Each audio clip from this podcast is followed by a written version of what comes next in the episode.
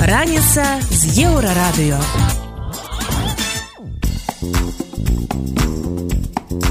Добрыя раніцы, вітаем вас на еўрарадыё. Пачынаем праграму раніца з еўрарадыё. Штодзённае шоу пра важныя падзеі, якія ўплываюць на жыццё беларусаў. Галоўнае на гэты момант. Не хапае працоўнай сілы. Улады хочуць вяртаць беларусаў на радзіму. По заработной плате, по условиям труда Беларусь зачастую проигрывает, конечно, западным соседям. Розніца заробкаў на палесе і што ўплывае на рост. Рэальныя заробкі, ранняя заработная плата павялічылася амаль на 10соткаў. Рэальныя грашовыя доходы больш за 6соткаў. Гэта вельмі буйны рост і ён апярэджвае і выдайнасць працы і тыя якасныя паказчыкі маем в эканоміцы. Як Лукашенко знішчае завод Амкадор. Амкадор это на 76% частное предприятие, которое на около 70% спонсируется исключительно государством. Ну, в нормальном мире такого представить невозможно. Так не бывает. Падрабязнасці неўзабаве.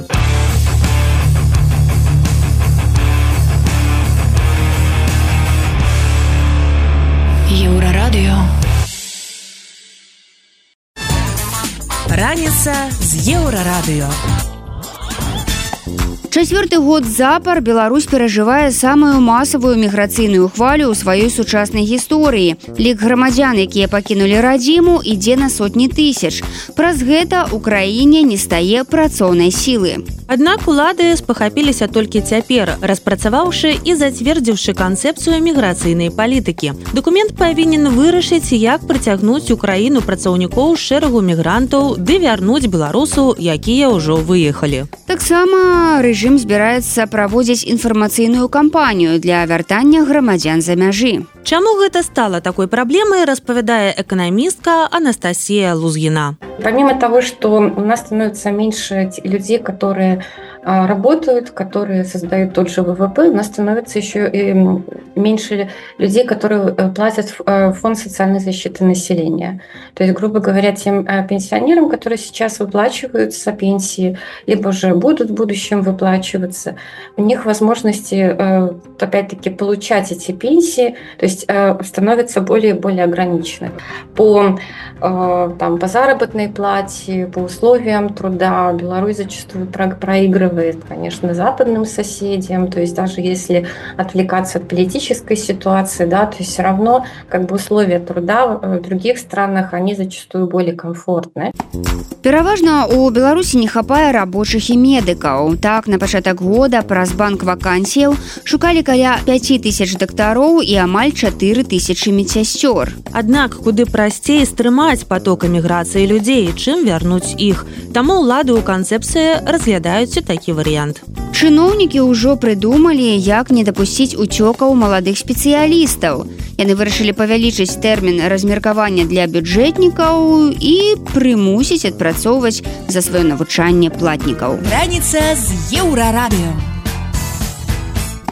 Далей у праграме раніца з еўрарадыё. Розніца заробкаў на палесе і што ўплывае на іх рост. Рэальныя заробкі, ранняя заработная плата павялічылася амаль на 10соткаў. Рэальныя грашовыя доходы больш за 6соткаў. Гэта вельмі буйны рост і ён апярэджвае і выдайнасць працы і тыя якасныя паказчыкі маем в эканоміцы. Як Лукашенко знішчае завод Амкадор. Амкадор это на 76% частное предприятие, которое на около 70% спонсируется исключительно государством. Ну, в нормальном мире такого представить невозможно. Так не бывает. Про гэта ды іншае больш падрабязна бліжэйшым часам. Раніца з еўрарадыё. У снежні сярэдні заробак у брэскай вобласці склаў 2025 рублёў. Гэта на 250 рублёў менш, чым сярэдні заробак па краіне. А як адрозніваецца аплата працы на палесе? Самыя высокія заробкі былі налічаныя ў пінску. За год сярэдняя зарплата тут павялічылася на 235 рублёў і склала 1973 рублі. Такі ж рост назіраўся па ўсім пінскім раёне, аднак сярэдні заробак тут ніжэйшы 1640 рублёў. На другім месцы па сярэдняй зарплаце лунінецкі раён і 1864 рублі. Далей ідзе іванаўскі раён з 1680 рублямі. Зарплаты ў столінскім раёне застаюцца самымі нізкімі на палесе 1579 рублёў. Аднак рост заробкаў тут самы высокі плюс 269. Заробкі беларусаў будуць расці і ў наздышоўшым годзе праз павышэнне для бюджэтнікаў і за кошт попыту на працоўную сілу. Так мяркуюць аналітыкі еўразійскага банку развіцця. Але за кошт чаго адбываецца гэты рост, разважае эканаміст Ярослаў Раманчук. Мы баем дадзены за 11 месяцаў там амаль рэальныя заробкі ранняя заработная плата павялічылася амаль на 10соткаў рэальныя грашовыя доходы больш за 6соткаў гэта вельмі буйны рост і ён апярэджвае і выдайнасць працы тыя якасныя паказчыкі маем в эканоміцы Таму калі яшчэ 24 годзе ну, евразэс ён спасылаецца на тое что дае ему урад беларусі рад беларусі безумоўна палітычна такія рэчы вось лукашенко да лютага гэтага года да палітычнай кампаніі так званых выбораў у палату ён в э, этой вось ён сказал ну все добра там і цены у нас такія стабільныя і заробкі выраслі і все добра таму тут ён забяспечыць сабе э, падтрымку свайго электарату там падтрымаў эканоміку цяжкія часы але на наступным э, вось цыкле на наступныя 12 месяцаў Я думаю что он будзе стымуляваць той тыя сектары якія прасілі. Пер за ўсё жытло жыллё тому что у 23 годзе яно прасела тым больш прасела жыллё з дзяржаўнай падтрымкай на 25соткаў ён будзе падтрымліваць нейкія інвестыцыйныя праекты там дзе няма грошах расійскіх вось яны дапамаглі ему ў 23 годзе недзе там на 10-13 адсоткаў в вупу а гэта вельмі э, шмат грошаў гэта можа там больш за 10 мільярдаў даляраў так что э, лукашенко мае рэзерв для того каб балансаваць менавіта праз грошы дзяржавы э, сваю палітычную падтрымку трэба адзначыць что сярэдні заробак у беларусі заўсёды больше чым работнік атрымлівае на руки бо статыстыка вядзецца да выплаты падаткаў і збораў. Раніца з еўрарадыё Далей у праграме раніца з еўрарадыё. Як Лукашенко знішчае завод Амкадор. Амкадор это на 76% частное предприятие, которое на около 70% спонсируется исключительно государством. Ну, в нормальном мире такого представить невозможно. Так не бывает. Протягнем неўзабаве.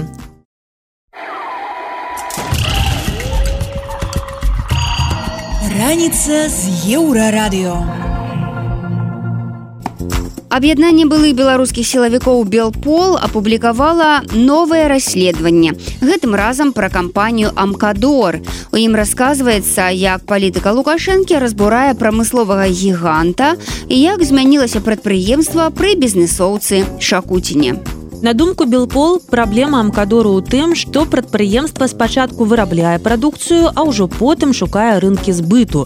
Разам з гэтым завод мае схаваную вытворчасць у інтарэсах ваенна-прамысловага комплексу Беларусі. У прыватнасці займаецца вытворчасцю беспілотнікаў і іншай зброі. Як абіралі тэму расследавання і чаму менавіта амкадор, ці лёгка было здабываць інфармацыю і чыёй дапамогай карысталіся даследчыкі падчас расследавання. Пра гэта ў размове з рэдактарам еўрарадыё з метром лукашыком распавядае прадстаўнік белпол владимир жыгар. Нам пришла ну где-то может 4-5 месяцев назад информация это был небольшой блок. Мы его обработали. Мы посмотрели что представляет интерес что перспективно что ну, можно просто отложить.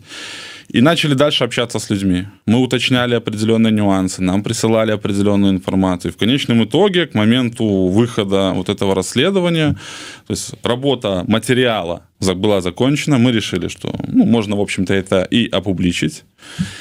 И наша команда обработала ну где-то так вот пять с половиной тысяч документов хотя в финальную версию вошло там ну, больше 100 там где-то 140 150 документов.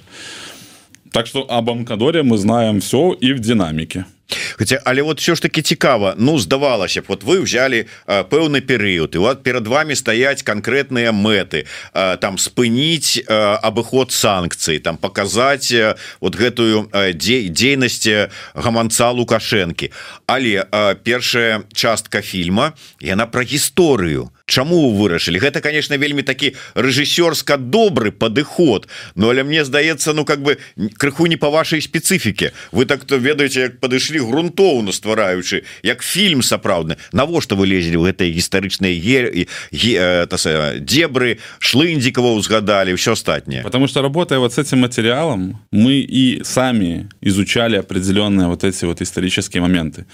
Это проблема всех белорусов что они не знают свою историю. А когда ты ее не знаешь и очень легко менять что делает сейчас режим Лукашенко. То у тебя вот одни факты, ты их не знаешь, их поменяли на другие, и они показываются всем как ну, единственно верные, единственно правильные. И поэтому, да, мы подошли, мы хотели, чтобы каждый белорус, с учетом того, что ну, там чуть больше 70% у нас просмотры из Беларуси, мы хотим, чтобы они знали, с чего все начиналось, кто был э, главными фигурами такого большого предприятия и во что это все в конечном итоге превратилось. И каждый должен понимать, каждый должен задумываться, почему. И этот фильм дает эти ответы. Где был тот момент, где был тот, э, скажем так, э, слом, где вот было нормально, было успешное предприятие, которое продавалось ну, больше, чем 25 стран мира. И после прихода кого все стало наоборот это абсолютно убыточное предприятие, которое не да ему очередной кредит, и оно просто закроется. Это 7, более, там, более 7 тысяч рабочих мест. А что говорить про более мелкие компании? А что говорить про м, такие постоянно убыточные там, не знаю, предприятия, как Гомсельмаш, там же ситуация еще хуже. Она намного хуже, чем, на, чем в Амкадоре. Но Амкадор это на 76% частное предприятие, которое на около 70% спонсируется исключительно государством. Ну, в нормальном мире такого представить невозможно. Так не бывает. Коли вот так вот глядеть фильм, то такое вот уражение, что основная мета было показать, як с ну па-першае як э, у э, таго чалавека які гэтую э, гэты ну, прадпрыемства стварыў у яго аджалі гэта прадпрыемства і по потым як так званыя крэпкія хозяйственнікі лукашэнкі давялі гэта ўсё да нішчебродства але ж у как бы асноўная ж мэта не про гэта. Калі э, оно можа проскочыць 10 там э, не звярнуць увагу вот этой схемы як э, холдинг як это ўсё працуе. Может быть варта было ўсё ж таки больш кароткія там может быть некалькі фільмаў але по конкретных тэзах что вот глядзіце які там схематоз як яны вот это ўсё э, структурыруюць у нейкія там холдынги як ствараюць свае вот этыя прадпрыемствы по выцісканню грошай і іх сабе забіранню що ж таки вот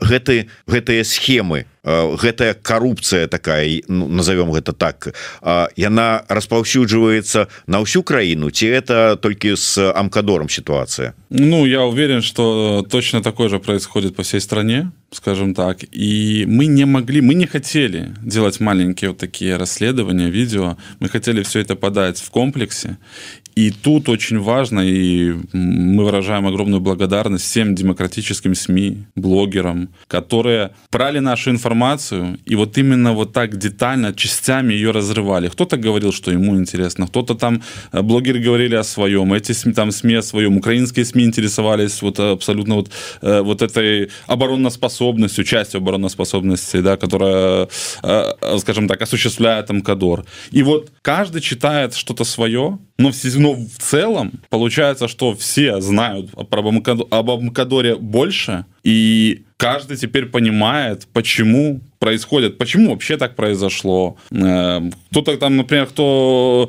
э, занимается санкциями, видит, как эти санкции, то есть вот э, обходятся. Ну и каждый, каждый берет свое из нашего расследования. Мы не хотели его разрывать.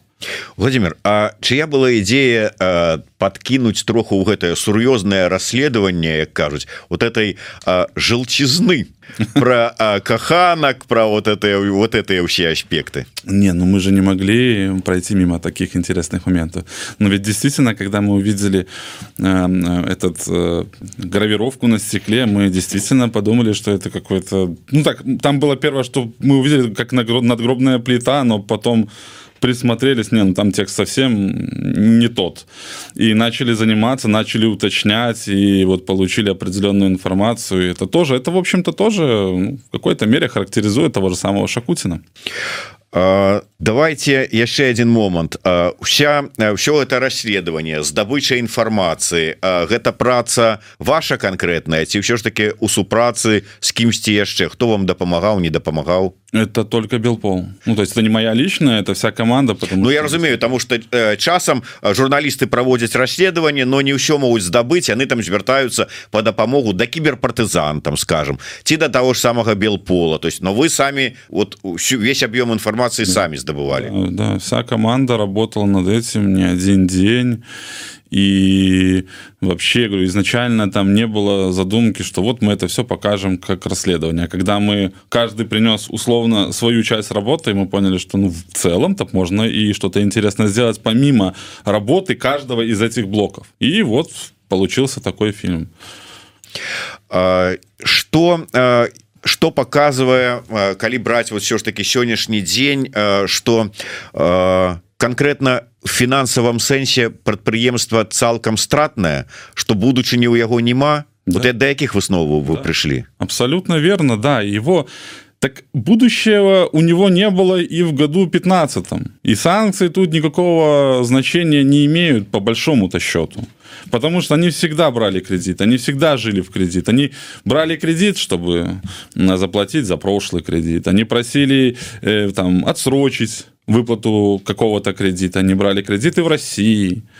И сейчас ситуация, когда вот можно было бы вроде бы как э, закрепиться на рынке России, так они и там проигрывают. И то, что мы показали там всего лишь два скриншота, там есть такая достаточно большая аналитическая записка, где практически по всем позициям они уступают. И они говорят, что это проблема, что нам делать. И даже вот эта вот их э, э, кооперация с москвичом, она же по большому счету, кроме очередного какого-то, ну, то есть она кроме территории, там 20 гектар, она же больше ничего не даст. Они даже там есть такой документ, они хотели как-то вклиниться, э, э делать заво- эти, мотоциклы, там что-то, но не получилось. Там ну, много таких охотников. Э, какую-то сделать небольшую детальку и получить за эти деньги. То есть Амкадор сейчас это постоянно убыточное предприятие, которое Э, едва ли выживет, если ты ему не дашь очередные деньги. Вот очередной кредит или еще что-то. И это ужасно, потому что ну, это действительно ну, не молодое предприятие, э, если можно так выразиться. Оно э, достаточно огромно. Оно производит продукцию, которая никому не нужна. Вот они делают... И я когда-то сам работал на машиностроительном предприятии, и я знаю, что такое, когда делают детали, ну, их просто на склад. Просто на склад. Бесконечно на склад. И потом происходит момент, когда и склад переполнен, и делать уже нечего. И в Амкадоре такая же ситуация. Вот надо делать, мы это делаем. И каждый раз ежеквартально выше, выше, потому что если не будет повышения, значит, там, мастеру выговор, там, у директора будут проблемы. А как с этим потом, куда это потом девается, кого это интересует? Чаму санкции, якія ўводзяцца адносна Беларусі, не працуюць и что трэба мяняць, працягвае Владимир Жигар. Мы должны показать всему миру, что проблема Лукашенко это не проблема только лишь белорусов. Потому что если вы хотите помочь Украине, решите вопрос Лукашенко. Вы хотите ослабить Путина, решите вопрос Лукашенко. Вы хотите, чтобы белорусские политические заключенные вышли на свободу, решите вопрос с Лукашенко. Вы не хотите, чтобы мигранты штурмовали ваши границы. Вы не хотите, чтобы, не дай бог, ракеты падали на ваши города. Решите вопрос с Лукашенко. И это не проблема только белорусов, это не проблема только там Литвы, Латвии, Украины это проблема всех. И показывая э, вот такую информацию, доказывая ее, мы объясняем всем, что включайтесь в эту работу. Потому что работы действительно много. И вообще в своей повседневной такой работе мы исходим из того, что санкций нет. Вот приняли новый пакет, ну и ладно. Но, и, но санкций нет. Потому что санкций должно быть больше. Они должны быть более конкретные. Ну да, понятно. Вводить санкции против, например, какого-нибудь не знаю, участкового из Жабинки, это, конечно, здорово, только это бесполезно. Потому что этот участковый никогда в Европу не ездил, никаких э, банковских счетов у него нет. Нужно бить абсолютно в другие точки и делать это системно и контролировать и последующий обход, попытки обхода этих санкций. Потому что, например, вот мы э, встречались уже неоднократно с японской стороной. Это, собственно, то, о чем идет речь в Амкадоре, потому что там закупается определенные узлы, механизмы, датчики покупаются в Японии, то есть в компании Метрол и Ямазаки Мазак. И японцы, ну, мягко говоря, были очень недовольны тем, что они, получается, втянуты в это. И что? Вот такие вынік. Вот японцы, якія незадаволеныя, брытанцы, якія вельмі э, ну, актыўна падтрымліваюць Украіну, а тут атрымліваецца такая вось сітуацыя, што іх э, фірма брытанская фактычна працуе ў тым ліку і на э, агрэсара. Якія былі вынікі? Прекращение сотрудничества через вот эту китайскую компанию прокладку. Да, появится через некоторое время новое, но мы вновь будем смотреть мы вновь будем контролировать все эти процессы. Другого варианта у нас нету. И благодаря вот этому докладу мы нашли, в общем-то, союзников Великобритании. Мы нашли определенные точки соприкосновения с ними. И мы надеемся, что все вот эти, вот эта вся цепочка, она будет разрушена. Но бить нужно не по хвостам, там, надо, надо бить э, четко понимая, куда и для чего, чтобы вся эта схема рушилась, чтобы деньги, которые э, вложены в определенные точки, они разрушались, и деньги, и не было ни денег, ни того оборудования, которое закупается. И вот, дарэчы, про грошы и про санкции. Вы тягом фильма не один раз звертали увагу на тое, что санкции-то дзейнічаюць. И, э, скажем, тыя запчастки, якія да э, увядзення санкций каштавалі одну сумму, зараз яна там у два то і больш разоў даражэй каштуе з-за санкцый прыбыткі скараціліся тое что там прадпрыемства ў такім ганебным стане фінансавым таксама адна з прычынаў гэта вынік санкцый. Слухайте ну да я згодны. Але калі мы кажам про тое что вот э, санкцыі ж яны ўплываюць на там узровень прыбытку ну атрымліваў ну умоўна кажучы шакутин 100 тысяч долларов у месяц. Ну зараз атрымлівае 80 надта больно это для яго А вот для прадпрыемства для людзей для просто іх беларусаў вот как раз таки больно так может быть правы тыя хто кажа что санкцыі больш б'юць по звычайных беларусах чым про гэтых гаманцах по лукашенко і по ўсім астатніх Э, нет, не правы. Ну, во всяком случае, это мы так считаем. Потому что, ну, что не было бы санкций, и человек бы зарабатывал там не 2000 рублей, а 50 тысяч рублей. Нет, такого бы не было. И Шакутин теряет, конкретно Шакутин теряет много больше, чем, а, ну, там, скажем, чем 20 тысяч долларов в месяц. Он теряет намного больше, потому что для него, ну, есть же его персональные непосредственно санкции, санкции на предприятие, меньше, меньше оседают у него, меньше, скажем так, он может исполнять э, очередные какие-то, там, не знаю, идеи Лукашенко, там, вложить туда, там, или построить какой-то ледовый дворец, например.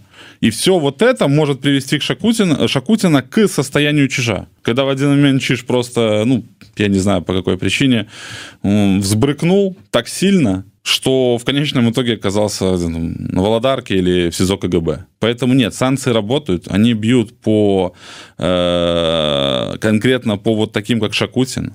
От того, что санкции есть на Амкадоре, он, ну, там он Китаю, Амкадор в Китаю проигрывает на 60% по многим позициям. А при обычный рабочий, он, он, он живет в, он живет от зарплаты до зарплаты. Он не будет зарабатывать больше. А вот эти вот, а то, что Шакутин будет зарабатывать опять-таки меньше, но он же привык жить хорошо. Невозможно. А меньше денег, это надо чуть надо как-то себя немножко э, ужимать. А любят ли такие люди ужиматься? Могут ли они там, не знаю, там, там с черной икры перейти на красную? Ну, вроде как икра. Поэтому, да, это достаточно, санкции это достаточно долгий процесс и не всегда видны результаты сразу. Но это один из возможных методов борьбы с Лукашенко, с, вообще с этой системой.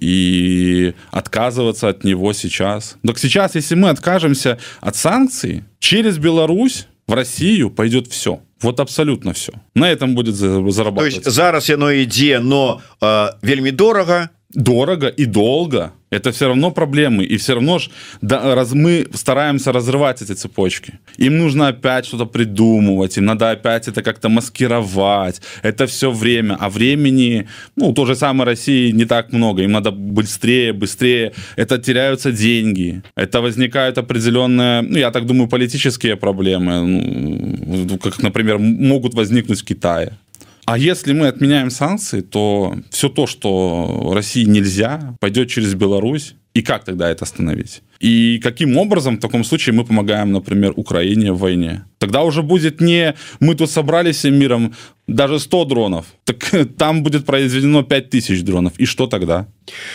Ну э, самое сумное что э, відаць яны ўсё одно будуць там выраблены. Можа быть яны там можа не 5 а за дарагавізны там 3 але ўсё одно тысячи. Ну надо стараться надо максимально максимально давить чтобы не 5-3 уже хорошо. Там где-то мы еще поработаем и будет не 3 а один. А в это время мы должны помогать Украине уже не там не пятью дронами а 20 дронами И вот так вот этот перевес, и так мы показываем, мы даже той же самой Украине показываем, что мы не только помогаем там, дронами или там, гуманитарной помощью, мы помогаем и в такой более специфичной деятельности. И это тоже будет оценено Украиной, и тоже, когда будет подписан мирный, скажем так, договор, вся наша деятельность, абсолютно вся и абсолютно всех, она тоже будет учитываться для будущего нашей страны. Гэта быў прадстаўнік Белпол Владимир Жыгар. Ён распавёў пра новае расследаванне адносна завода Амкадор, як яго праводзілі і якія вынікі атрымалі. Раніца з еўрарадыё. Далей у праграме раніца з еўрарадыё. Мінздароўя распавяло пра 13 тысяч парушэнняў у бальніцах і паліклініках. Люди возмущались тем, что их отправляли э, покупать вот ну, вроде как мелочь, да, но это довольно неприятно, когда ты лежишь в больнице, тебе дают список того, что тебе нужно купить. Леву с Би-2 депортовали у Израиль. Консул всеми силами старается, так скажем, продвинуть идею о депортации всех участников группы обратно в Россию, несмотря на то, что практически у всех э, паспорта-то не, не российские. Пра гэта больш падрабязна бліжэйшым часам. Раніца з еўрарадыё. За другую палову 23 -го года у медыцынскіх установах Беларусі выяўлена больш за 13 тысяч парушэнняў. Пра гэта распавяло мінздароўя. Самымі распаўсюджанымі з іх сталі няякаснае правядзенне дэзінфекцыі медыцынскіх інструментаў, іх ачыстка і кантроль якасці. Сярод парушэнняў таксама праблемы з дэзінфекцыяй бялізны і гігіенай рук, а яшчэ кепская якасць прыборкі памяшканняў і іх стан. Недастатковая дэзінфекцыя ў медустановах можа прыводзіць да распаўсюджвання захворванняў. Так у 2022 годзе ў медустановах рознымі інфекцыямі заразілі 116 беларусаў. Прычым у 70соткаў выпадках заражэнне звязаныя менавіта з недастатковай гігіенай рук. Здаецца, сістэма аховы здароўя мае найбольшыя праблемы з усіх сфераў, пачынаючы ад недахопу лекараў і заканчваючы адсутнасцю лекаў. Вось што пра гэта кажа координатор фонду медицинской солидарности Лидия Тарасенко. Э, да, на самом деле периодически не хватает всего, начиная от перчаток, тех же самых систем. Ну вот поступило, очевидно, несколько сообщений о системах, о том, что люди возмущались тем, что их отправляли покупать вот это вроде как мелочь, да, но это довольно неприятно, когда ты лежишь в больнице, тебе дают список того, что тебе нужно купить. С чем это связано, не могу сказать. Э, связано ли это с проблемами в производстве или в логистических каких-то ситуациях, но периодически возникают проблемы с банальным там, физраствором, перчатками, с банальными лекарственными средствами, которые привязывать к санкциям, хотя к санкциям не имеет отношения. Аднак Лізія Тарасенко адзначае, што нават пры змене ўлады рэформе ў медыцыне адбудуцца не адразу, бо спачатку будуць змяняць палітычныя і эканамічныя сістэмы.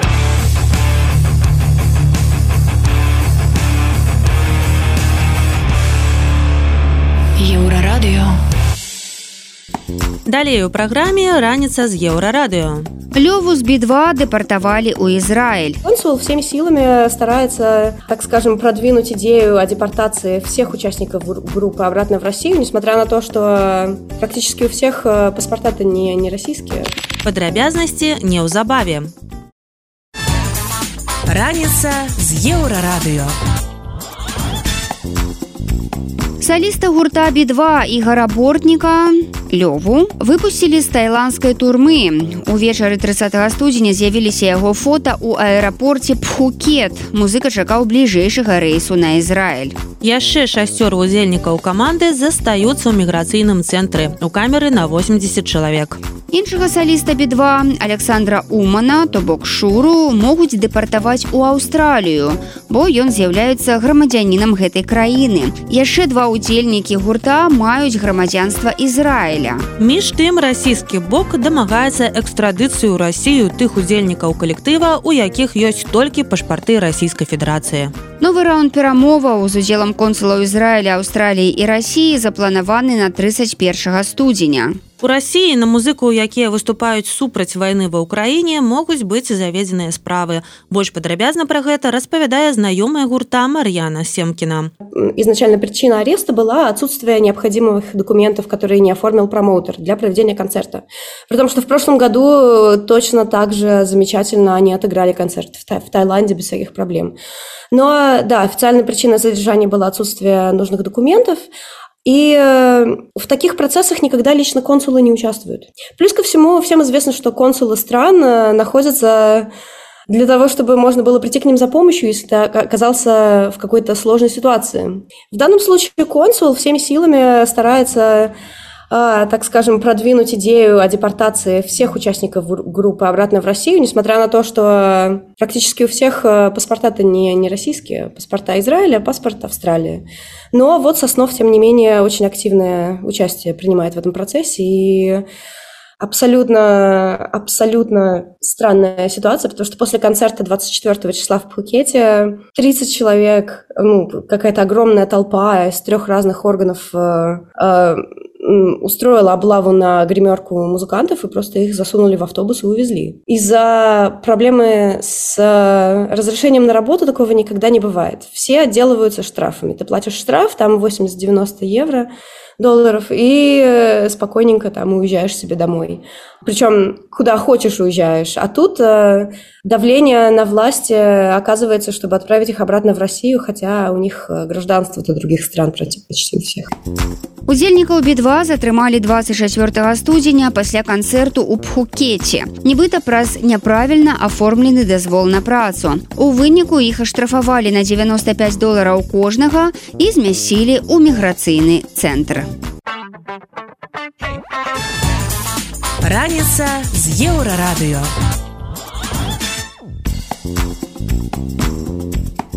Вяртаемся на еўрарадыё і працягваем ранішні эфір. Вы па-ранейшаму слухаеце раніцу з еўрарадыё. Інфармацыйнае шоу пра важныя падзеі, якімі жывуць беларусы і іншы свет. І вось што цікавага мы распавядзем далей. Наколькі падаражэюць імпартныя тавары ў беларускіх крамах. Просто очень сильно повысятся цены на ту же бытовую хімію. Ці напужала НАТО новая военная доктрина Беларуси? Это политические сигналы. Каждый из этих действий – это в первую очередь сигнал в столицу оппонента. Як рускамірцы збіраюцца трапіць у склад беларускіх дэпутатаў. Гэта ўсё адбываецца не таму, што Лукашенко не любіць рускі свет ці выступае супраць, а наадварот таму, што ён проста не хоча канкурэнцыі. Пра гэта ды іншае больш падрабязна цягам бліжэйшай гадзіны. Раніца з еўрарадыё. Ва ўмовах вайны і крызісу беларусаў турбуе шмат пытанняў, у тым ліку трывіяльных. Ці знікнуць з паліц імпартныя тавары, наколькі зменіцца іх асартымент праз абмежаванні, ці працягнуць расці кошты на замежную касметыку. Пытанні ўзніклі не на пустым месцы. Яны абумоўленыя складанасцямі з гандлёвай лагістыкай, санкцыйнымі абмежаваннямі і павышэннем пошлін на тавары. Ці пацерпіць гандаль праз апошнія рашэнні лукашэнкі, наколькі падаражэюць імпартныя тавары, што будзе з разнастайнасцю замежных лекавых прэпаратаў. На пытанне выдання маланка адказала эканамістка Аліса Рыжычанка. Во-первых, а, вспомним эмбарго, которое было введено в начале прошлого года. Эмбарго на продовольственные группы товаров. Это мясо, молочная продукция, а, различные фрукты, овощи. Постепенно вносились изменения на протяжении прошлого года. Что-то разрешалось, что-то вновь запрещалось. Но на сегодняшний день мы имеем запрет на ввоз а, картофеля, перца, различных других фруктов и овощей, кроме яблок, груш и пара каких-то зелень. Еще он, мы сейчас видели новый законопроект, новый указ Лукашенко, в соответствии с которым вводится пошлина на ввоз с англосаксонских стран шампуни и разные средства по уходу за волосами, головой. И, конечно, это все будет осложнять ситуацию, и мы, скорее всего, придем к тому, что а, повышенные пошлины – это все-таки не полная эмбарго, не запрет, и товары все-таки будут ввозиться. Но параллельно с этим мы увидим рост цен на эти товары, так как, а, конечно же, пошлина в 35% – это существенное изменение себестоимости товара, и это все, естественно, ляжет на плечи покупателей. И в соответствии с этим а, мы будем видеть в том числе, возможно, весной и а, послабления какие-то по эмбарго по продовольствию, потому что наши складские запасы будут заканчиваться по тем же фруктам и овощам, и эмбарго, в эмбарго будут вноситься изменения для того, чтобы не возникал дефицит продуктов питания на, на белорусских прилавках. И, соответственно, это все будет приводить просто к повышению цен на продукты питания, либо на продовольственные товары, в отношении которых введены изменения эмбарго, либо повышенные пошлины таможенные. Как у нас работает регулирование цен? А, когда у нас изменяются, допустим, таможенные пошлины, они включаются в себестоимость а, товара, и эту а, себестоимость товара подают на согласование стоимости в исполком. То есть, соответственно, если у нас себестоимость товара увеличивается, то предприниматели либо продавцы имеют полное право повысить цену того, этого товара в соответствии с ростом его себестоимости. И вот эта торговая надбавка, она все равно равно не изменяется. Просто у нас 35% прирастет к себестоимости, прирастет к цене за счет таможенной пошлины. Правительство будет максимально стремиться создавать видимость, что дефицита нет у товаров. А если хотите покупать что-то иностранное, то покупайте за очень высокую стоимость. Но при этом будут предлагаться, а, скажем так, местные аналоги. Да, это сделано в том числе для того, чтобы та же там Белита Витекс, да, белорусская, которая стоит тоже недешево, и до сегодняшнего дня она по цене могла сравниться с какими-то импортными теми же шампунями, бытовой химией, то с ростом а, а, таможенной пошлины мы увидим существенную разницу в цене, что будет, с одной стороны, стимулировать покупку внутренних товаров каких-то, да, которые сейчас не очень хорошо покупаются, не так, как хотелось бы это правительство. По поводу лекарственных препаратов. На сегодняшний день все равно еще существуют предельные надбавки да, на э, лекарственные препараты, которые регулируются с полкомом. Но при этом, допустим, если мы смотрим на последний указ о таможенных пошлинах, э, как раз-таки из него исключены все медицинские препараты, и в отношении их не установлены э, таможенные пошлины в размере 35%. Можно ли это расценивать как э, какой-то шаг в сторону того, чтобы медицинские э, препараты все-таки были э, внутри страны, да, какие-то возные? Э, скорее всего, да, э, чем нет. Но опять же, это очень ограниченный вид э, группы товаров и медицинских препаратов, которые можно будет возить, а на те, которые необходимы медицинские препараты, да, у нас все равно возникает дефицит внутри страны, люди продолжают жаловаться, и, к сожалению, с момента Э, регулирования цен да, искусственным образом в нашей стране, ситуация с медицинскими препаратами ухудшается. И, к сожалению, пока что таких существенных шагов и мер со стороны правительства не было принято для того, чтобы улучшить эту ситуацию. Полиция белорусских крамаў паступова бяднеюць вось ужо чацвёрты год запар. Спачатку на пастаўкі ўплываў каранавірус і зачыненыя межы. Ну а потым санкцыі ў дачыненні да рэжыма за рэпрэсію рэпрэсіі і саўдзел у вайне. Пытанне толькі ў тым, ці вернецца беларускі гандаль у стан крызісных 90-х, калі ў крамах праз дэфіцыт амаль не было чаго купляць. Свой прагноз у дынаміцы зменаў гандлёвага ассортименту дае Алиса Рыжыченко. Я сомневаюсь в том, что будут те товары, которые прям совсем исчезнут с продажи. Скорее всего, просто очень сильно повысятся цены на ту же бытовую химию. И я думаю, указ Лукашенко о таможенных пошлинах на шампуни сторонние средства по уходу за, за волосами, это только начало, то есть это такое поэтапно. Следующее может, могут вести таможенные пошлины на какие-то другие товары бытовой химии. Поэтому мой совет людям, если у них есть возможность выезжать за границу и покупать какие-то товары бытовой химии, стиральные порошки по уходу за телом, косметика, это все, конечно, лучше приобретать где-то за границей.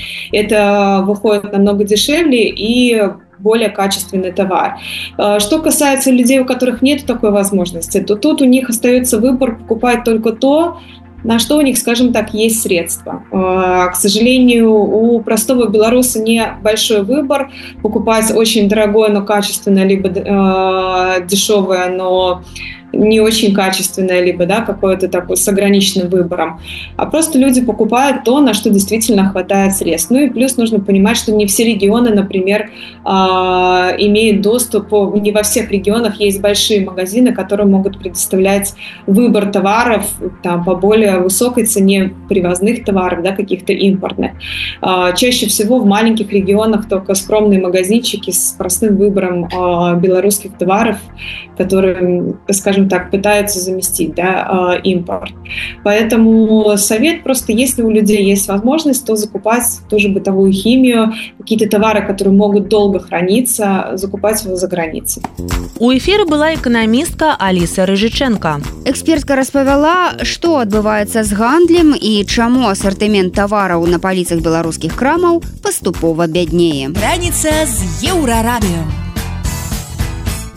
Далее у праграме раніца з еўрарадыё. Ці напужала НАТО новая военная доктрина Беларуси? Это политические сигналы. Каждый из этих действий это в первую очередь сигнал в столицу оппонента. Як рускамірцы збіраюцца трапіць у склад беларускіх дэпутатаў. Гэта ўсё адбываецца не таму, што Лукашенко не любіць рускі свет ці уступае супраць, а наадварот таму, што ён проста не хоча конкурэнцыі. Працягнем пасля навінаў спорту. Раніца з еўрарадыё.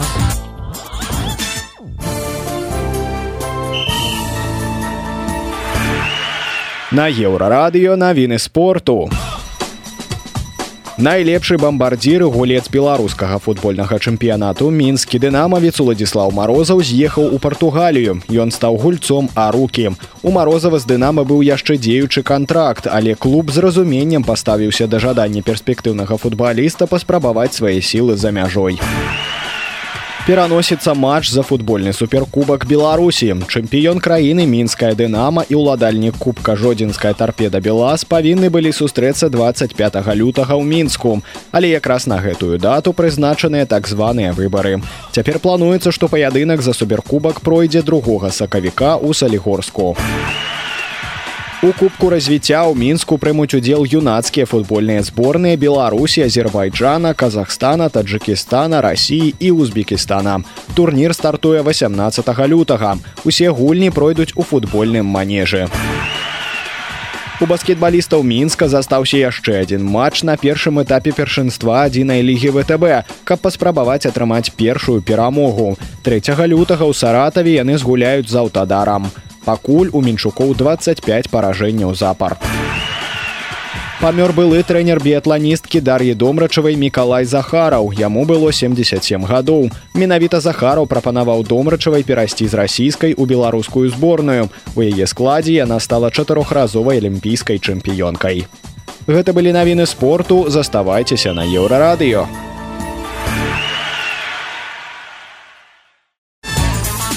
раніца з еўрарадыё. Беларускі аўтарытарызм паступова рыхтуецца да вайны ці прынамсі старана робіць выгляд, што рыхтуецца.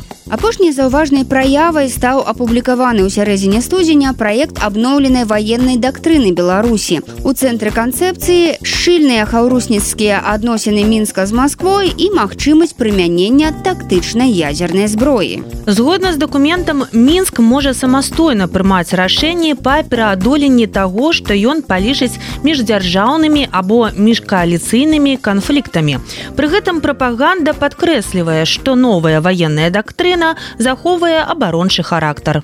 ці можа так атрымацца што цяпер лукашенко стане паўнапраўным уладальнікам ядзернай кнопкі вось як на гэта пытанне выдання маланка адказаў палітычны аналітык артём шрайбман беларускія военные учатся опыту э, войны российско-украинской войны как минимум начиная с прибытия вагнеровцев в Беларусь, то есть уже больше полугода, от того, что еще какая-то рота или даже больше, чем рота поедет в Россию, принципиально ничего в стадии готовности белорусской армии к войне не меняется. Военная доктрина – это не тот документ, изменения которого означают подготовку к войне. Я не знаю стран, которые, готовясь к войне, меняли свою военную доктрину, чтобы она лучше соответствовала готовящейся войне.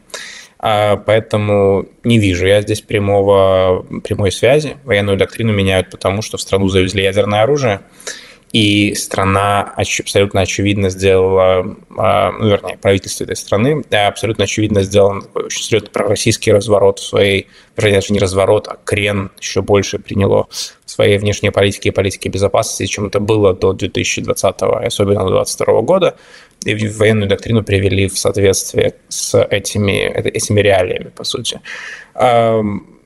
Повторюсь, я далек от мысли, что если кто-то идет воевать или готовится воевать, то он заботится о том, как бы а, изменить военную доктрину. Ну, то есть, словно говоря, можно сказать, да, этой серии, если хочешь а, размешить Бога, расскажи ему о своих планах. Не будут говорить о своих планах, если готовиться к войне?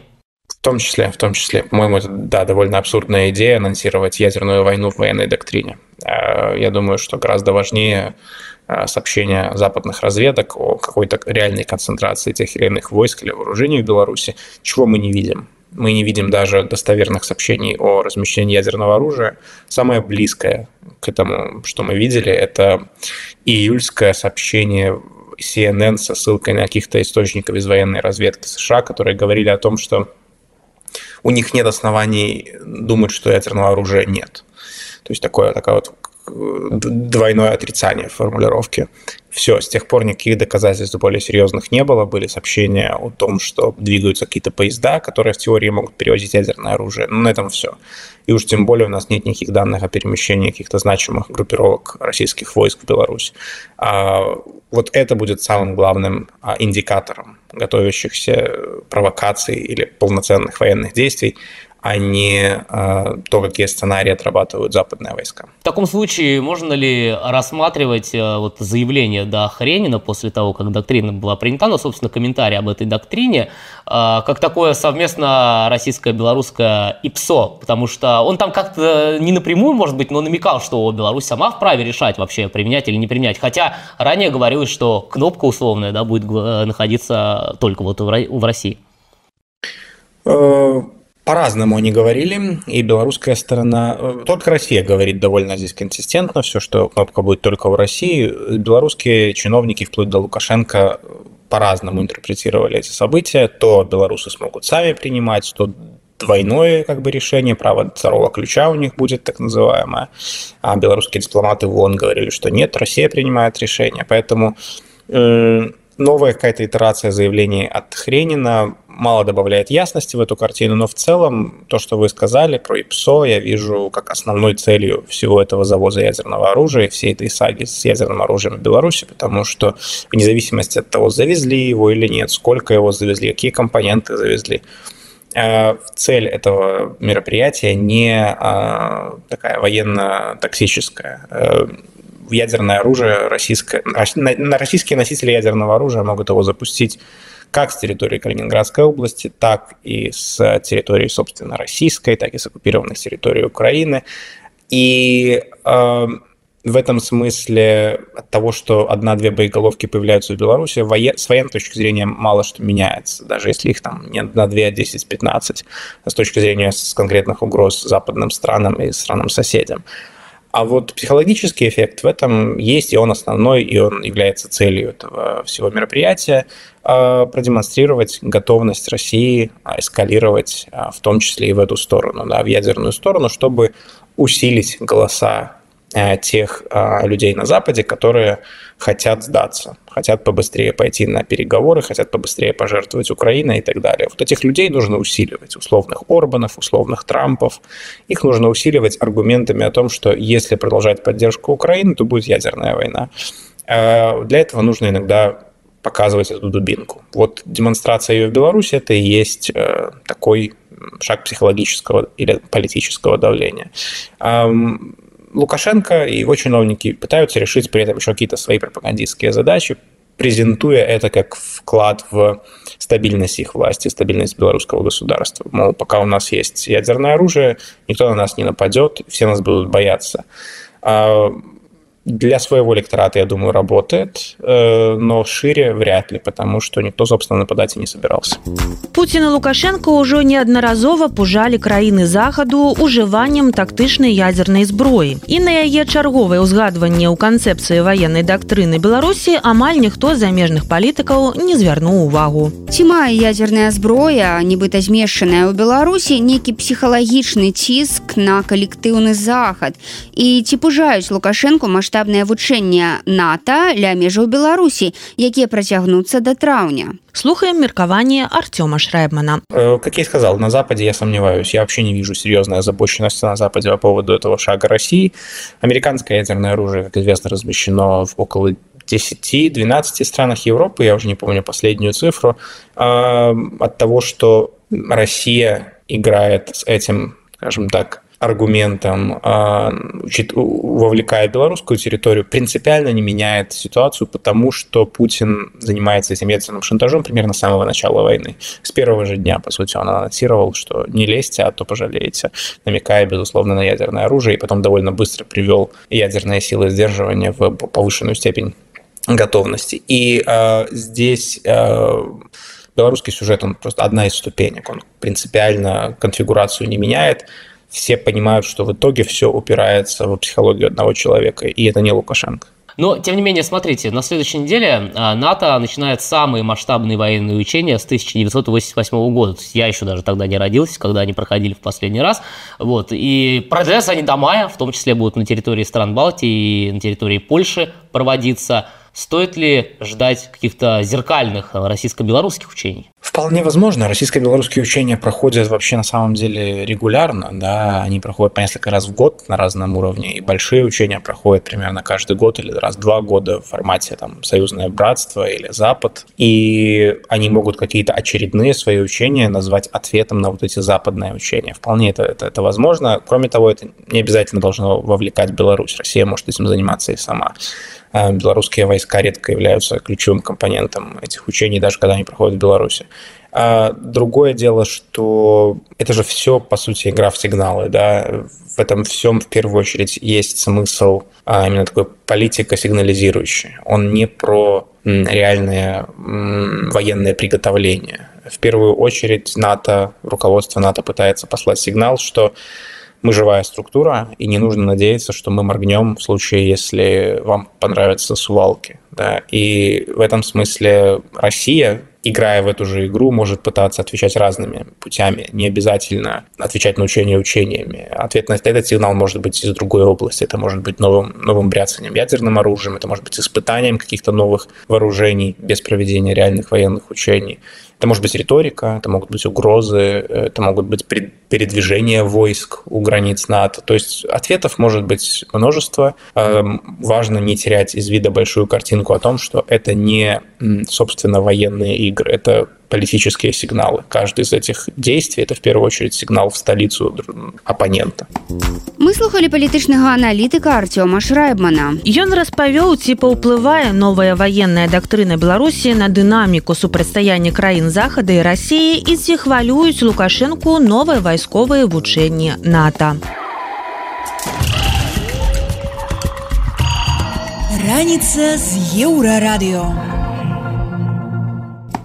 Далей у праграме раніца з еўрарадыё. Як рускамірцы збіраюцца трапіць у склад беларускіх дэпутатаў. Гэта ўсё адбываецца не таму, што Лукашенко не любіць рускі свет ці уступае супраць, а наадварот таму, што ён проста не хоча конкурэнцыі. Працягнем пасля навінаў шоу-бізу.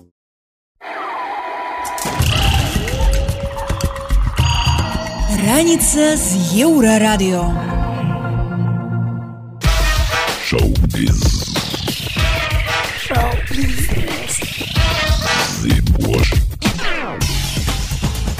Навіны шоу-бізу на еўрарадыё. Брытні спірс вырашыла выбачыцца перад Джасцінам Тімберлейкам. У сваёй садсецы спявачка выказала захапленне новым сінглам Джасціна селфіш і яго выступам у Джиммі Фэлана, а таксама попрасіла прабачэння ў свайго экс-бойфренда за любыя крыўды, выкліканыя нечаканымі фактамі ў яе мемуарах. Кніга раскрывае іх мінулыя адносіны, дзе мелі месца цяжарнасць і аборт. Тімберлейк пасля негатыву ў яго бок адключыў каментарый у сваім нстаграм, ды перанёс шмат выступаў. Але спірс у сваёй кнізе выказала непахісную любоў да Джасціна, нягледзячы на цяжкасці. Вядомы гурт ноудапт вяртаецца ў поўным складзе. Спявачкай фронтвумен гурта Гвен Стэфані распавяла, што адбудзецца гэта сёлета адмыслова да выступу на фестывалі Качэла. Аб'ява выклікала энтузіязму фанатаў, якія чакалі на ўз'яднанне з 2013 года. Нягледзячы на тое, што падрабязнасцей будучай падзеі не так шмат, людзі з нецярпеннем чакаюць выканання культавых хітоў. Вядома толькі, што акрамя пацверджанага выступу на Качэла гурт можа запланаваць і іншыя канцэрты канцэрты ў легендарным складзе. Адель засталося ўсяго некалькі месяцаў да завяршэння рэзідэнцыі ў лас-вегасе. Серыя канцэртаў, якая пачалася ў лістападзе 2022 і некалькі разоў падаўжалася, скончыцца сёлета ў чэрвені. На адным з выступаў спявачка распавяла, што аматарам яе творчасці не давядзецца ездзіць, каб сустрэцца з ёй, бо яна сама прыедзе да іх з новай музыкай. Я не думаю, што буду пісаць новы альбом яшчэ шмат часу, сказала спявачка пра пачатак працы над наступнай кружэлькай. Вядома, што Адель сур'ёзна хвалюецца перад выступамі таму ў 2022 яна вырашыла не ладзіць новы тур, а працягваць рэзідэнцыю на адной сцэне. Аднак спявачка прызналася, што жывыя выступы даюць ёй сілы, таму вялікаму музычнаму туру быць абавязкова. Удзельнікаў гурта бі2 адмовіліся дэпартаваць у Ізраіль. Пра гэта паведамляецца ў тэлеграм-канале калектыву. 29 студзеня ўлады Тайланда набылі ім квіткі на самалёт, але рашэнне адмянілі пасля таго, як у міграцыйны цэнтр прыйшоў прадстаўнік расійскага консульства. Музыкі з ім размаўляць адмовіліся. Паведамляецца, што ўдзельнікаў па-ранейшаму трымаюць у агульнай камеры на 80 чалавек. Па словах юрыста бі2 спаць ім даводзіцца на падлозе.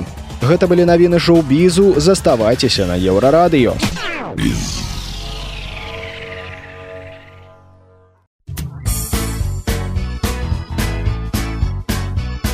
Раніца з еўрарадыё. Галоўнай кропкай апоры рускага свету ў дзяржапараце Беларусі быў і застаецца Александр Лукашенко. Усю сваю палітычную кар'еру ён даводзіць крамлю, што ён галоўная апора рассіі ў Беларусі. Бо іншай арганізаванай прарасійскай сілы, якая магла б на нешта ўплываць, проста не існуе.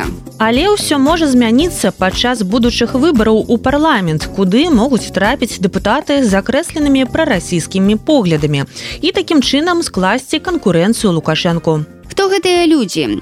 Пра іх выданню радыёвабода распавядаюць палітолог Вадзім Мажэйка і журналіст Зміцер панкавец. Крышку адказваючы Вадзіму, я абсалютна згодзен, наконт таго што гэтыя людзі не абавязкова будуць агентамі крамля. Гэта абсалютна дакладна. Але пры гэтым як бы ну таксама можна сказаць што нейкі ігіркін стралкоў гэта таксама не прыхільнік пуціна не прыхільнік крамля але гэты выдатны адэпт рускага свету. Як бы і мы можемм як бы тое самае казаць што гэта не не зусім абавязкова што это людзі которые прыхільнікі рускага свету будуць працаваць на крэм што тычыцца гэтай кампаніі то ўжо гэта самы яркі прадстаўнік это конечно а спадарыня бондарова якая ідзе ў дэпутаты менгарсавету паднос акруг менску. Яна балатуецца ад камуністычнай партый бондарова гэта вот чалавек які выскачыў і стаў вядомы на хвалі паслявыбарчых пратэсту і антыпратэсту якія вот збіралі прыхільнікаў лукашэнкі. Бондарова яна не хавае сваіх вот прыхільнасцю да пуціна калі пачытаць на это сама телеграм-канал нейкі іншы іншыя соцсеткі не хавае прыхільнасці да вайны ва ўкраіне і сваей вот антыпатыі да беларускай мовы і у цэлым усяго беларуска ведаць вот апошняя на гэтым тыдні з чым яна змагалася это тое что на нацыянальнай бібліятэцы пусцілі надпіс на беларускай мове і іўрыце і нават абаралася чаму няма надпісу по-руску вот такое вот прадстаўніцтва.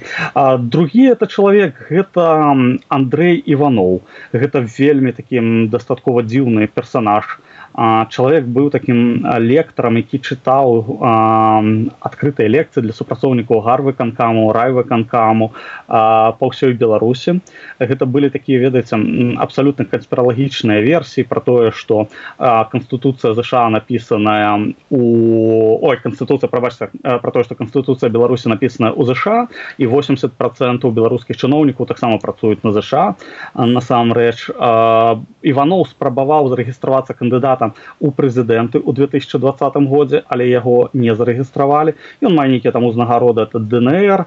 Ну, гэта вот гэта вот чалавек з той вот з того асяродку рускага свету які крыху ўсё ж таки арганізаваны але дастаткова малалейкі ну і трэцяя група гэта вот двое вядомых гісторыкаў заходнерусістаў это вадзім гігін і олег роману людзі якія ўжо дастаткова так добра убудаваны цэментаваныя ў беларускую сістэму але пры гэтым яны што адзін што другі яны ніколі не хавалі сваіх вот таких вот поглядаў прарасійскіх про тое что Беларусь Россия Украина гэта один народ. Гігін это открыто пісаў калі вот рэдагаваў часопіс беларуская думка і он гэта не хаваў. Тое самае як і олег романов кіраўнік партыі белая Русь таму вось это самые яркія такія персонажы пытанне ці могуць яны пераўтварыцца ў нейкія значныя палітычныя постаці на беларускі прасторы.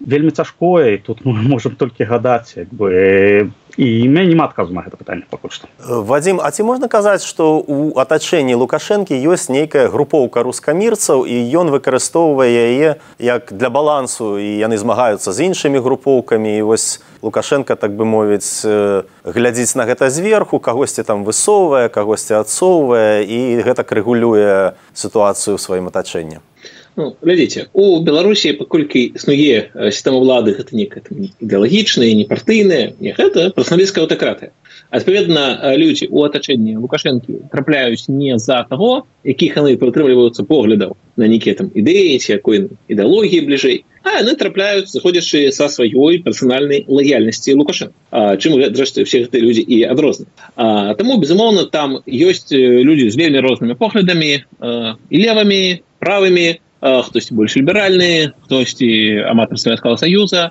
хтосьці рускамірскія хтосьці больш беларускія адсюль іхныя пастаянныя канфлікты то бок ці бондрава ці марзалюк ну па шырасці акрамя лаяльнасці да лукашэнкі ввогуле светах людзей наўрад ці хоць што-небудзь яшчэ аб'ядноўваць таму канешне яны ёсць розныя гэта не дзіўна але разам з тым тут важна глядзець вось акуратна тую прыкмету по якой іх трапляюць у атачэнні лукашэнкі і адпаведна по якой прыкмеце куды будуць трапляць на выборах давайте паглядзім на акругі. Сапраўды возьмеце разрабіў добрую подборку было так бондрава вылучаецца першана вылучаецца не ў палату прадстаўнікоў толькі ў менгарсавет гэта значна ніжэйшая структура нават по невялікіх паняццях беларускай улады.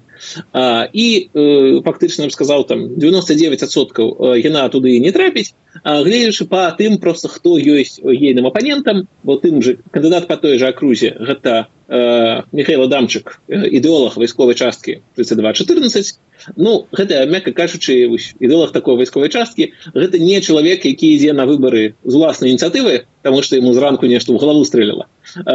І дакладна ён ідзе не тое каб быць просто нейкім баластам для бондравай ну хутчэй за ўсё бондарова у менгасавет не трапіць сярод найбольш значных фігур ва ўладзе сваю прыхільнасці да рускага свету не хавае намеснік міністра ўнутраных спраў мікалай карпянку другая фігура пра якую існуюць хутчэй здагадкі гэта кіраўнік савету бяспекі александр вальфович але ці можна сказаць что унутры беларускага грамадства і ўнутры рэжыму ўжо будуюцца нейкія структуры на якія можа абаперціся крэм Крэль у так званы час X калі лукашенко моцна захварэе ці памрэ. Працягвае палітолог вадзім мажейка я б сказаў что структуры такія будуюцца вельмі квёла бо так існуе зразумелая зацікаўленасць Росіі прынпе было б дзіўна калі прасея увогуле ніяк гэта не была зацікаўленая ніяк не удзельнічала не інвеставала ў гэта ніколькі грошай з улікам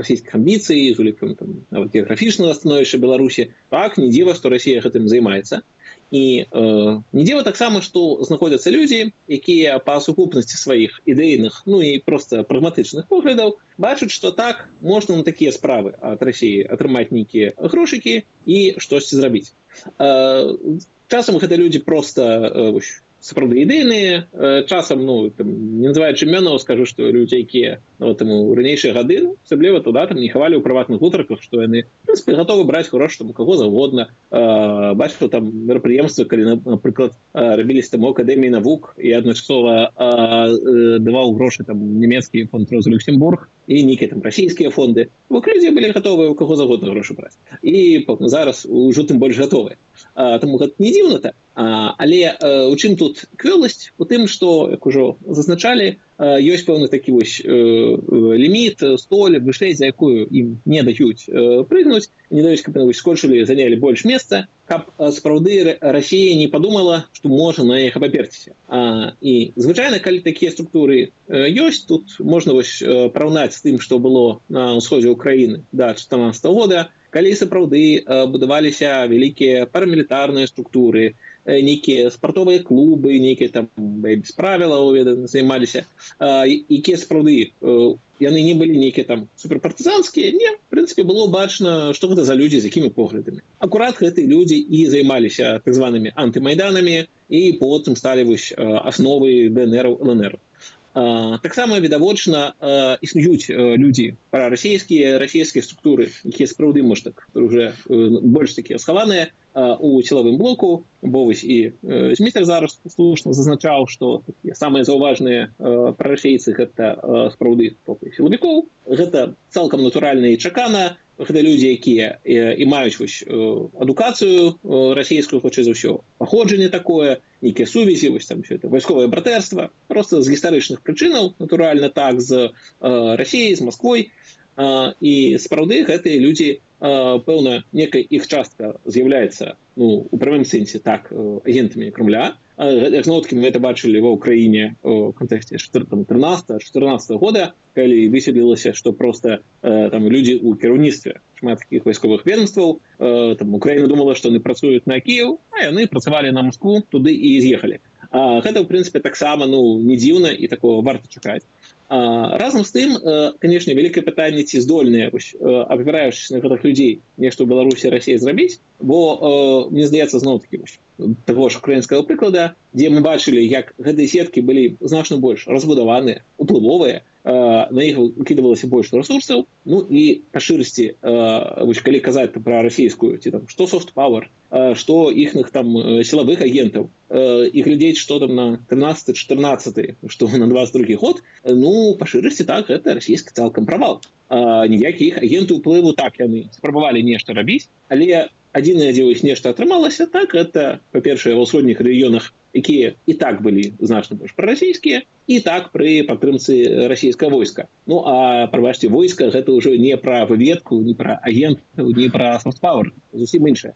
Таму ў гэтым сэнсе я б тут не перабольшваў вось гэты ўплыў бо відавочна так ёсць рознага роду маргіналы якія атрымліваюць розную падтрымку. Так яны спрабуюць нейкія арганізацыі структуры будаваць. Але э, реальная іхную уплывовасць у беларусі ну, не только выклікае вялікія сумневы а шчыра можна сказаць так яна невялікая акурат таму что лукашэнкаўскі рэжым гэтага роста не дазваляе. Зрэшты не дзіва як няма нейкіх уплывовых структураў а нейкіх іншых. Не только пра расійскіх там не пра еўрапейскіх не пра кітайскіх нейкіх-небудзь яшчэ ад рэжыма незалежных. Бо в прынцыпе для аўтарытарыяў натуральна вось хацець каб усё канцэнтравалася у іхных руках Таму я б тут э, не звяртаў увагі вось такія можа фантомныя страхі ад вялікіх там сеткаў расійскага ўплыву у грамадзянскай супольнасці ці псеўдаграмадзянскай а глядзеў на рэальную праблему того что так расійскі ёсць сам лукашенко зноў такі можа вымушана прагматычна але так мы бачым что як пасля двадцатого года змяніліся цалкам рэальныя зусім непрыхаваныя дзеянні рэжыма якія так цалкам реально пашыраюць вось гэтую расійскую аджэнду расійскі ўплыў. І можа так сам лукашенко і ему было больш комфортна як это было вось там 17 18 19 годзе калі ў яго была палітычная магчымасць неяк гэта балансаваць еўрапейскім уплывам. А зараз палітычнай магчымасці ён такой не бачыць. І фактычна вось гэтае пашырэнне расійскага уплыву оно так адбываецца просто прынесена у ахвяру тому что лукашенко лічыць палітыческай целесообразнасцю Вось і маем цалкам реальныя на жаль сумневныя вынікі то ж прыбіранне беларускай лацінкі ну, там хай сабе адбываецца пад э, там ініцыятывы той же бондаравай але яно магчымае менавіта у такім асяродку з намі былі палітолог вадзім мажейка і журналіст зміцер панкавец яны распавялі якія палітыкі з рускамірскімі каштоўнасцямі могуць трапіць у парламент і паразважалі ці рыхтуе крэмль глебу для захопу ўлады ў беларусі калі ўплыў лукашэнкі аслабне